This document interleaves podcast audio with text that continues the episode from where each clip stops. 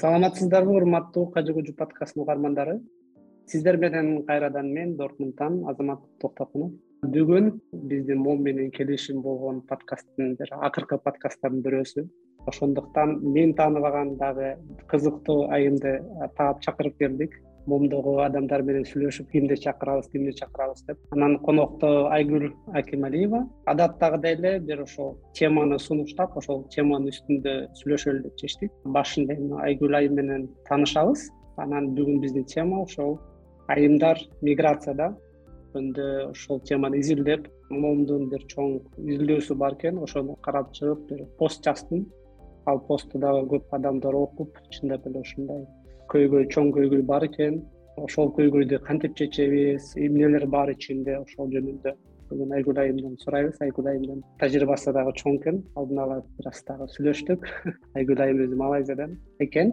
Анан эми таанышалы. Айгүл айым микрофон сизде. Өзүңүз жөнүндө тааныштырып айтып бериңиз. Кантип малайзияга барып калдыңыз? Эмне иш кыласыз ал жакта жана башка рахмат. Биринчиден ушу кыжы кыжы түз эфирине чакырып жатканыңыздарга. Эң биринчиден кыргыз элиме мекендештерге ысык салам жолдогум келет. Ошо кыргызым кыргызстанда дүйнө жүзүндө тынчтык болсун. Кыргыз элим алдыга өсүп өнүп чоң ийгиликтерге жетишиштерине мен каалап кетет элем. Кичине да сүрдөп атат окшойм өзүм айгүл акималиева малайзия өлкөсүндөмүн акыркы он жылдан бери миграцияны кыргыз элинде баягы э, союз тарагандан кийин заман кыйындагандан кийин кыргыз элинде эле суунун агы менен миграциямды россия өлкөсүнөн баштагам.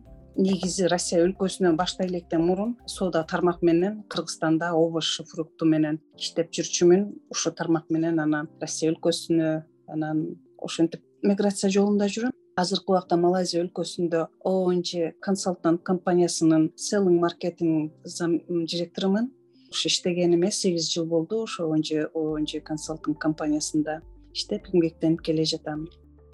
Анан жумушуңуздун аты жакшы угулбай калды бирок сизден дагы анан сурап шилтемелерин илип койсок болот болуш керек чындап эле сиз россиядан баштаптырсыз анан жана фрукты дегенде дагы баягы челнок деп дагы илгери болчу эмес беле ошону элестетип кеттим эмнегедир анан россияда иштегениңиз дагы россиядан өткөндө биз ошо гүлшан айым менен даг подкаст жаздырдык көйгөйлөр аябай көп. Гүлшан айым дагы кирет болуш керек анан суроо жоопко анан эми ошол көйгөйдөн баштайлы баягы эле биздин көйгөй көйгөйдөн баштайлы. Бул сиздердин миграция аял кыз келиндерге өтө э, мындай маани берип атканыңар бул мени өтө кубантат бул дүйнөдө баягы баланы бул дүйнөгө алып келгенде эне түйшүк тартканда эне тогуз ай көтөргөндө эне бакканда эне ошентип биздин азыркы кыз келиндер мен да энемин биздин могу азыркы миграцияда жүргөн биздин кыздар дагы келечекте кыргыз жаранынын энеси бул силердин алып барып аткан темаңарга мен сүйүнүп атам аябай кубанып атам.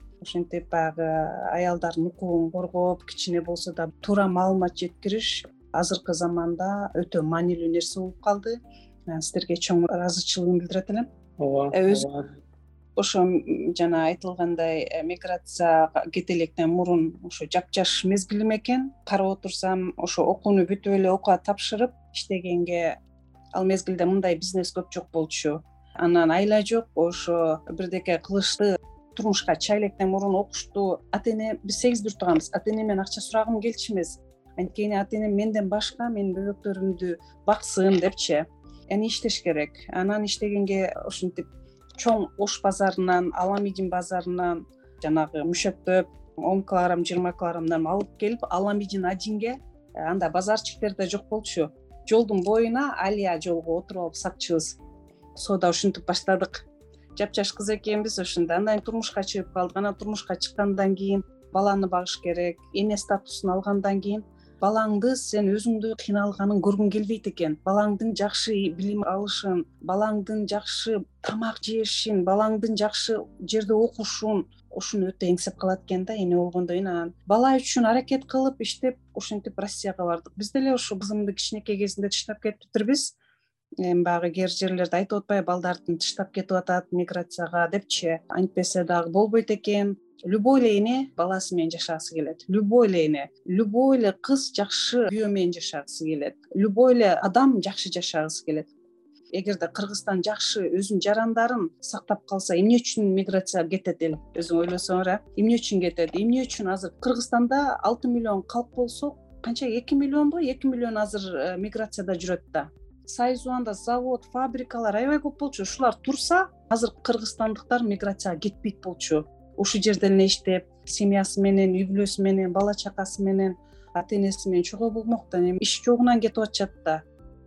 Ооба сиз туура айтасыз. Миграция десе албетте биринчи ой келет ой бул саякат жер көрмөй эл көрмөй деп эми албетте сен билимиң болуп билимиң жогору жана бишкекте чоң бизнесиң болуп иштериң болсо анан ушинтип саякаттасаң бул бир сөз болчу да. Биз азыр айтып аткан нерсе энелер ошол өзүнүн үй бүлөсүн багып ошо балдарын тамактанга балдарына кийим алып бергенге ошо балдарым окусун билим алсын башка балдар деле жумуш тапсын деп анан иш издейт. Анан иш издегенде бишкекте жумуш аз жумуш жок анан жумуш жасап берген ошо мамлекеттик эле баягы мамлекет жөнүндө сүйлөшөбүз саясат жөнүндө саясатта бир ошондой кандайдыр бир көйгөй болуп анан по факту азыркы жашоодо кыйын жашоодо айла жок эмне кылыш керек анда барып жумуш бар жерге барып иштеп келели акча таап келели. Үй бүлөбүздү багалы деп анан ошол энелер балдарды таштап тура тур чоң ата чоң апаң менен биз келебиз деп анан россияга жөнөп иштеп кетишет. Азыр бир аз батырак үйгө келип үй салабыз анан жакшы жашайбыз деген ой менен. Кетип баратканда анан ушул жактан кийинки көйгөйлөр башталат да. Биз по факту түшүндүк барып иштеш керек экен деп. Анан каяка барып иштейбиз? Эмне жумуш кылабыз? Кимге иштейбиз дегенде баягы маалымат жетпеген моменттер келет.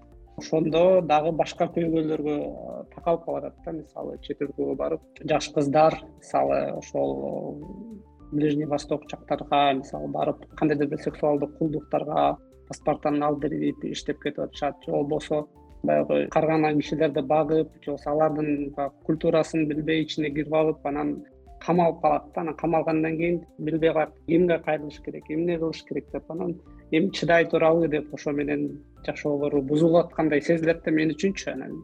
Сиз кандай деп ойлойсуз? Бул ошол маалыматтар жөнүндө сүйлөшсөк бул мен баягы восток жактаны эгерде так мен билем деп айтсам мен анда жаңылган болуп калам. Мен бул малайзия азия жактаны айтсам биз жакта закон бияк мусулман өлкөсү болгондугуна жараша бизде закон күчтүү да. Бирок мен өзүм жеке оюм ушу кыз келиндер делечи сыртка кетип атканда укуктарын билбей кетип атпайбы. Мисалы жаман кулчулукка сатылып кетип атат сексуалдык иштерге кетип калып атышат. Ал эмес өз укуктарын билбей туура эмес кол коюп мисалы күнөөсү жок адамдар деле азыр кыргыз жарандары канчалаган өлкөлөрдө түрмөлөрдө отурат укуктарын билбегендиктен туура эмес кол коюп бул өлкөдө деген баягы любой жакта баягы уже сага иш ачылса ал ишти жабыш үчүн кишинин колун коюп жаап соттоп кетириш керек да. А тиги органда иштегендер өздөрүнүн жумуштарын кылып аткандыр колун койдуруп канчалаган биздин кыргыз жарандар түрмөдө отурат азыр. Кыздар дагы эркектер дагы келиндер дагы чоң аялдар дагы мен айтпасам деле бул турган иш болуп атпайбы бул факты туруп атпайбы. Көп эле россияда канчалаган биздин жарандар жүрөт. Аны тиги россияда мекендештер диаспоранын жетекчилеринен дагы так маалымат алсаңыздар болот. Болот бизде деле баягы кругу туура эмес ошо жанагындай индонезия сингапур малайзия ушул өлкөсүнө байланыштуу бизде да болду да ушундай историяларчы. Ошо жанагындай бирөөнүн оокатын алып бияка алып келатып ошо кармалып калышып жапжаш жыйырма жаштагы кыз жыйырма беш жыл түрмөдө отурду да бул дагы алданып калды да бул мисалы анын өзүнүн товары эмес экен просто ушу алып барып бер деп алданып калды баягы аз акчага. А канча жаштыгынын баары ошо түрмөдө өтүп кетти да. Ушундай случаялар болот да. Эми биз биякта эми баягы. Мен жеке өзүм кылып жүргөн ишимен биз биякта мекендештерди улам улам чогултуп ушул тууралуу биз могу алданып калбагыла жаман жолго барбагыла силер ата энеңер силерге үмүтү чоң ушунча жолду базып келип кенден окуп иштеп кайра өз жайыңарга кетишиңер керек деп биз маалыматты айтып турабыз да. Жаман жолго барбагыла жаман адамдардан алыс болгула наркота парката дегенди уксаңар жанына жолобогула бияк мусулман өлкөсү сексуалдык иштер бияктан силерди атуу жазасына кетирет абайлагыла мындай жака барбагыла. Эми баягы элди эл эле азгырат да адамды адам эле азгырат да. Шайтандын жолуна түшпөгүлө ата энеңер силерди ушинтип окууга жөнөттүбү иштегенге жөнөттүбү? Силер жапжашсыңар силер кыргызстандын келечеги силердин колуңарда ушундай темада биз көп көп айтып турабыз да биздин жаштаргачы. Анан миграцияда мынакей италияга деле түркияга деле ушу карган кишилерди багып барып канчалаган апаларыбыз эжелерибиз э, азыр түрмөдө отурат баягы жаман болуп калыпчы. Менин угушума караганда да менде ал жөнүндө так маалыматым жок. Бирок чынында эле кыргызстанда да кыйналып жаманаттуу болгон аялдар башка жака барып мынакей кулчулукка сатылып кеткен да аялдар бирөөнү багып андан да түрмөгө отуруп калган да аялдар эми бул ушу аялдарга айтат элем. Кичине күчтүүрөөк кичине акылдуураак анан мындай эми акылдуу акылсыз деп айта албайм мен аялдардычы. Кыргызстан отуз жылдан бери элин бакпаган үчүн миграция күчөп атат. Аны да түшүнө келиш керек аны да айта жүрүшүбүз керек. Ушул эле мезгилде биздин кыз келиндер именно кыз келиндер биз кыргызбыз. Ыйманыбызды уятыбызды ызатыбызды сактай жүрүшүбүз керек. Ал нерсе мен ойлойм адам өзүнүн эле болуш керек ар бир адамдын. Кандай дейсиздер? Туура айтып атасыз туура айтып атасыз. Албетте кыргыздар аябай күчтүү элбиз аябай акылдуу. Бизде баягы билебиз да нефть жок анан газ жок деп баарыбыз совет убагында калып калса керек. Билимге умтулган элбиз. Бирок ошого карабастан баягы ач курсактан же болбосо барып акча табайын дегенде бирөө сунуштаса деп аябай ишенген адамдарбыз. Ишене беребиз баарыначы. Анан буяка кол коюп койчу жүрү мен сага жумуш берем десе эле а хоп барып жумушун жасап берейин деп анан жумушка барып эле баягы алданып калганыбызды анан кийин түшүнүп атпайбызбы ошол жана данныйларда айтып атат. Токсон беш процент дейт. Чет жерден чыккан аялдардын токсон беш проценти ошол үй кызматында эмгектенишет да. Балдарды багышат же болбосо карыларды багышат экен да мисалы германияга кеткен эң оңой жолу бул аупр деген программа. Үч ай үч айга окшойт. Келип баягы немис үй бүлөнүн балдарын багышат да. Албетте булар мусулман эмес. Анан э, бизде мисалы мусулман кыздар келгенде баягы шок болуп калат да. Ойлонуп калып а биз биякта жакшы жашайбыз десе көрсө чындап эле эмес. Ар кандай үй бүлөгө туш келип калып анан кыйналып анан үй бүлөнү алмаштырып анан көчөдө калып калып анан ызылчулар көп анан албетте ошо сиздер көп жумуштар жасап атасыз. Анан бул жакта дагы ошол кыргыз эжелер байкелер дагы ошондой түшүндүрмө иштерин ошол закондорду өзүн кантип алып жүрүш керек калгандай кылбаганда немеге түшүп калбаш керек деп закондорду түшүндүрүү иштери болуп атат. Анан бирок баягы россияда дагы бул аябай оор болуш керек э. Камап эле тигини текшерип эле муну текшерип анан справка кыйдырып койгом деп анан ушинтип эле кыйнай беришет го. Анан ошо сиз туура айтып атасыз эң негизгиси ошол маалымат таратуу алдын ала түшүндүрүп берүү каяка баратасың эмнеге баратасың эмне иштер болуп атат депчи дагы кандай иштер жасадыңыз эле жасап атасыз сиздин тажрыйбаңызда балким кызыктуу бир нерселерди айтып бересиз биз билбеген. Мен баягы ошо кыргызстанга барып келип жүрүп биз баягы союз чоңоюп калдык да все равночу союз берген тарбия менде дагы эле калыптыр. Менин ичим ачышат да кыргызстанга барганда мен көп байкап калабыз. Кыргызстанда билим берүү системасы өтө төмөндөп кеткен азыркы жаш балдар кыздарда ыйман деген өтө төмөндөп кеткен ызат урмат деген өтө төмөндөп кеткен да. Биздин убакта улууну урматта кичүүнү ызатта деп баягы эми аны деле айта келсек бул деле барып эле баягы үй бүлөдөгү тарбияга келип такалат болуш керек. Мен ушу бишкекке барганда атайын барып школдорду кыдырып анан кийин кайра ошо чеке базып келатсам балдар школго барбайт экен школго баратып эле жанаг игровой залдарга кирип кетет экен компьютерный залдарга эми ошо компьютерный залда толтура школьниктер балдар эмне билим алат? Ал балдардын билими жок болот да эми оюн ойноп отурсачы. Азыр э, буну түшүнбөй атабыз дагы элечи. Бул байлык мененчи бийлик бул колдун кири. А бул кыргызстан үчүн эл үчүн мындай жакшы нерсе калтырып кетсек биздин атыбыз кылган ишибиз элде калса жакшы да эми ошо акча үчүн мен деле түшүнөм аны дагычы акча кылалы деп ушундай ачып атышат. Бирок ага да запрет кылып мынча жаштан мындайлар кире албайт игровой залдарга киргенге болбойт деп школьниктерди вообще киргизбеш керек да чынбы? Кандай дейсиңер? А бул билим деңгээли өтө төмөн кыргызстанда. Билим деңгээлин жогорулатыш керек. Эми мен түшүнөм сиз айтишын экенсиз айттым может кызыккандар бардыр. Азыр китеп окуу деген жоголуптур китеп окушпайт экен.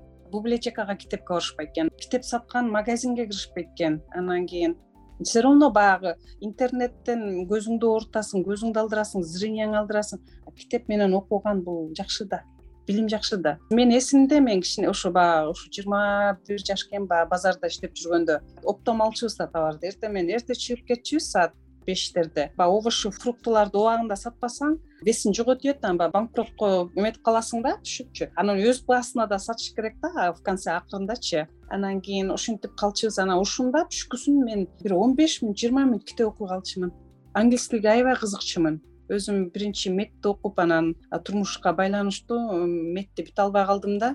Гинеколог болуп окуп анан бүтө албай калып ушул бойдон ал дагы кудайдын буйругу экен бул дагы бирок ушунча баягы кыздарга биздин жаш муундарга эч убакта биз give up how to say мындай өзүбүздү тыштабашыбыз керек и жөндөн жөн мындай э, баш ийбешибиз керек. Окуп билим ак ниет ак жол менен жакшы ийгиликтерге жетишебиз дегенге менин ишеничим өтө чоң да. Бирөөнү алдабай. Бул сөзүмө мен элди алдамчы дебейм баягы өзүм менен айтсам да. Ак иштеген баягы баары ийгиликке жетесиң да баары акырын акырындапчы дегеним да. Жакшы кызыктуу нерсе айтып берейин анда. Биз ойлонуп ойлонуп кантип алыста жүрүп кыргызстанга жардам беребиз кантип ушул билимди өзгөртүп өнүктүрүп ошол миграцияны азайтып социалдык миграцияны жетимдерди мисалы социалдык жетимдер деп айтып атышпайбы кетип калгандарды кантип ошол үйдө калып өзүндө билим алып акча табып кыргызстанда жашап иштесе болот деп ойлонуп жүрүп мекендештер менен америкада жашаган европада жашаган кыргызстанда жашаган мекендештер менен чырак деген долбоорду чыкканбыз чырак деген долбоордо жалаң кыздар энелер айымдар эжелер жашаган кыздар айтиге үч ай бекер окушат үч ай бекер окуп айтиден үч направлениеде окушат өткөн подкастта айтып бердим эле сизге да айтып берейин. Uiux дизайн smm social media маркетинг анан проект менеджер ага чейин биз келечек деп окутканбыз алты ай баары окушчу а мында болсо ошол кыздар окуйт ушул үч нерсеге. Аябай көп энелер балдары менен декретке чыккандар же болбосо университетти бүтүп үйгө тийип мектеп бүтүрүп үйдө отурган үй кожойкелери негизи аябай көп. Кыргызстанда и россиядагы мигрант аялдар ошонун баардыгы айти үйрөнүп атышат анан бул айти менен биз ошол э, миграцияны аялдардын миграциясын азайтуу жөнүндө иштер жасап баштадык да. Азыр жасап баштасак балким келечекте ошол токтобойт бир азайып калат. Анан үйрөнүп алып үйдө компьютер менен телефон менен ноутбук менен планшет менен отуруп алып иштейсиң да деген баягы биздин максатыбыз. Үйдө отуруп иштейсиң балдарыңды багып тамактарыңды берип чай пай даярдап коюп иштей бересиң анан кийин иштеп бүткөндөн кийин кайра жумуштарыңды жасай бересиң деген ой менен жасап атабыз. Анан ойлонуп атабыз да балким ошол чындап эле иштеп кетет анткени айти аябай өнүгүп атат. Жана пандемия болгондо дагы аябай күчтөдү мисалы азыр отуруп онлайн эле иштей берсең болот. Кайсы жакта жүрсөң дедик анан көрөбүз кандай болот? Балким бул дагы ошол миграциянын азайышына алып барат деп ишенебиз. Балким мом дагы муну изилдеп анан кийин көрөт кандай жетип атат. Ал иш болсо жакшы жери эч кандай грант жок. Мекендештер өзүлөрү чогултушту. Эл өзү чогултту акчаны. Айти классика деп благотворительный концерт жасап ошол жактан бир чогултканбыз. Анан фонддорду ачып ошол фонд аркылуу чогултуп иштеп атабыз. Балким кийин дагы ушуну иштеп калса малайзияда жашаган сиздердин мекендештериңерге айтып бересиңер кийинирээк буюрса ошондой иш жасадык. Анан сиз жакшы дагы айттыңыз балким компьютерный клубдарды окуучулар киргизбей деп компьютерный клубдар мисалы окуучулар кирип бирок ичинде ойнобой окуса мектепке барат.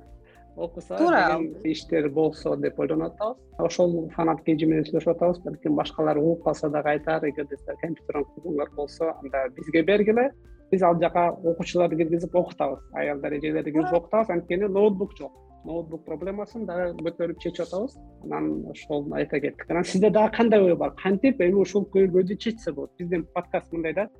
Көйгөйдү мындай позитивдүү жактан айтабыз да. Мисалы кантип жакшы нерселерди жасасак болот деп. Сизде оюңуз болсо идеяңыз болсо текстиль анан могу мисалы жер жемиштер бизде жакшы эле чыгат да. Ушу импорт системасын анда эле азыр мисалы баягы колунда барлар чыгарып атат. Мисалы фруктылардычы эми өзүнчө бизнес кылыпчы ал өзүнүн чөнтөгүнө өчөт ушуну государство колго алып мисалы жерлер дагы эле көп да. Мисалы талаа жерлеричи илгери биз бакта чөпкө барчу эмес белек биз иштеп берчүбүз өкмөт пайдасын көрчү да. Эми ушунда эле өкмөт айлык кайра биздин жарандарга биздин мекендештерге биздин элге бергендей кылса дейм да мисалы кант кызылчасын. Буудайды деле буудайды эми баягы комбайн менен эметет дечи бирок буудайды деле унчалык баягы эметкенге ушулардын баарын сыртка чыгарсак экспорт кылсак бизге аябай жакшы болмок да. Мисалы койду деле койдун эти деле башка өлкөнүн эттерине караганда биздин эт өтө даамдуу экен. Витаминдер өтө көп экен. Биздин продукция баягы бизде төрт сезон болгон үчүн бизде продукциялар витаминдүү келет экен да өтөчү. Мисалы мен ушул эле дарбызды арбузду бизден жесек ушунча ширин ушунча даамдуу да ушул дарбузду бул малайзиядан жесем башкача да. Ушул эле этти бул малайзиядан жесем малайзиянын деле эми тамактарын мен жаман дебейм жакшымын. Бияктын суусун ичип атам ушул жактан акча таап атам ушул жактан көтөрүлүп атам иштеп атам. Бирок биздин эт баары жакшы да. Ушуларды экспорт чыгарса мисалы бияка австралиядан келет экен этчи. Өтө кымбат да ушуларды эле бияка экспорт или сауд арабияга ушу жер жемиш эмелерди кылсак өкмөт тарабынан бизнес эл эмес өкмөт тарабынан болсо эл иштесе айлык алса деген да. Анан жана завод фабрикалар кайра ордуна турса ушунда мисалы биздин миграциянын саны азаябы деген оюм да жеке өзүмдүн оюм да. Азыр биз мындай карап отурсам сонун завод фабрикалар бар болчу ушунун баарын бир эки үч эле киши ээлеп алды да азырчы. Анан ушунун баары кайра ачылса кайра өкмөткө өткөрүп берсе кайра ачылса кайра завод фабрикалар курулса дейм да. Анан баягы айлык маянасы дагы жакшыраак болсо биздин кыргыздар иштейт болуш керек. Эми баягы налог системасын кылса иштесе айлык төлөсө миграциянын саны азаят болуш керек. Ушул эле беш жүз миң долларды сырттан деле таап атышат ошо кыргызстанда да ушундай айлык маянасы болсо дейм да завод фабрика жер жемиштер и айыл чарбачылык ушуну иштетсе бизде жакшы эле болот да. Менин өзүмдүн жеке оюм. Эми аны айтыш оңой а кылыш кыйын го ошол жагы кичине бар экен. Завод фабрикалар кичине кыйыныраак болуп калат го. Бирок ким билет ким билет балким бизди угуп туура айтып атасыздар деп дагы чыгышы мүмкүн туура эмес айтып атасыздар деп да чыгышы мүмкүн. Эмес болсо да комментарийлерге жазгыла биздин подкаст чыккан соң биз болсо дагы карап ойлонуштуруп көрөбүз. Анан ошол эң негизгиси маалымат экен. Чет өлкөгө кетердин алдында маалыматты жакшыраак текшерип көргүлө момдун жардамы менен көп маалыматтар даяр болуп калыпты. Алар болсо ошол эле мамлекет артынан дагы даяр болуп калыптыр биз буга чейин жолуктук ошол ишкерлер менен мамлекеттик ишкерлер менен мигрант kg деген сайт бар экен биздин мурдакы подкасттарды чачсаңар ичинде арасында көп шилтемелерди кошуп койдук. Ошолорго кирип карап өзүңөрдү текшерип маалыматтарды алып ал жакта кыргызчасы да бар экен орусчасы да бар экен. Ошону окуп анан кетиш керек. Антпесе кыйын болуп калат экен. Азыр болсо эми интернеттин убагы. Кандай маалымат десе бүт баары даяр алдын ала спонтанно импульсивно кой мен кеттим деп жүктөрүп алып кетип калсаң оор болуп калат экен ошон үчүн алдын ала даярданып кетели анан албетте чет өлкөгө бараарда азыр карасаңар ар бир чет өлкөнүн бир группалары бар телеграм группалары whatsapp группалары. Анан ошол айгүл айымдай болгон эжелер өзүнүн тажрыйбасын бөлүшүп айтып турат. Мисалы э бул жакта мындай закон бар тигини кылба муну кылба деп ошолорду табып изденип карап көрсөңүздөр албетте. Бөлүшкөн адамдар көп эч ким эч кандай маалыматты сактап катып сатайын деген ою жок анын баарын бөлүшүп ачык жардам берүү деген маанайда жүрөбүз иштеп жашап албетте чогуу жүрсөк жерибиз оңой болот. Анан ушундай позитивдүү нотада аяктайлы баары жакшы болот деген баары оңой болот аракет кылабыз эң негизгиси ооба жашоо кыйын жашоо мындан да кыйын болот азыр. Бирок ага карабастан күч бирдиктерди ушинтип таанышып бөлүшүп иштесек эле сонун болот го дейм э.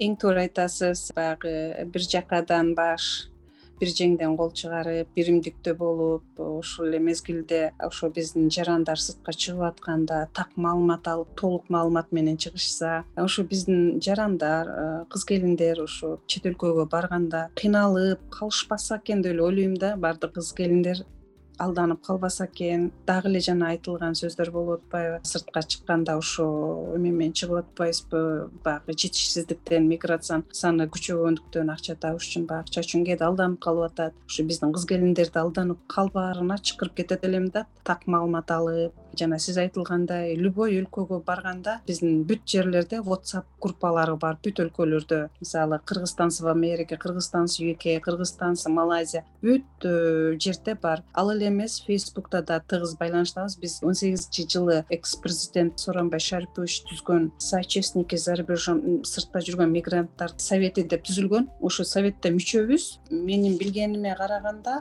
бүт дүйнө жүзүнөн келишкен. Анан алардын мен билгениме караганда баардыгы ошо бүт өлкөдө мисалы дүйнө жүзүндө биздин кыргыз мигранттардын өздөрүнүн атайын whatsapp группалары бар. Анан биздин ушу кыргыз жарандар менен кыз келиндер менен тыгыз байланышта экени эми мен билем да баягы бизге айтып калышат тыгыз байланыштабыз деп. Анан биз деле келген кишини көрүп калсак эле группага кошобуз кошулгула группага маалыматтын баарын ошол группадан бөлүшсөк болот депчи анан ушу жанагы сиз айтылган суроого баягы мен дагы кичине баягы сиздер менен сүйлөшүп сыртта жүргөн өзүңүз деле түшүнөсүз го кыргыз менен сүйлөшкөндө ушунча сүйүнүп аябай эметем да мындай. Өзүмө аябай жактыра берем да аябайчы. Анан кыргызстанды сагынам аябайчы ошол үчүн баягы э, сиз менен сүйлөшкөндө да кичине баягы эмоцияга алдыр үйдүм окшойт сүйүнүпчү анан ошо бул кыргыз жарандарын кыргыз кыздарды келиндерди бизде ал эле эмес жаман жолдорго түшүп баягы жаман жолдорго кеткен эмес бизде жакшы ийгиликке жеткен биздин кыз келиндер өтө көп сыртта. Сиз айткандай айти программасында иштеп жүргөн биздин кыз келиндер бар банк системасында иштеп жүргөн кыз келиндер бар. Ал эмес компаниянын зам директору директору отделдин начальниги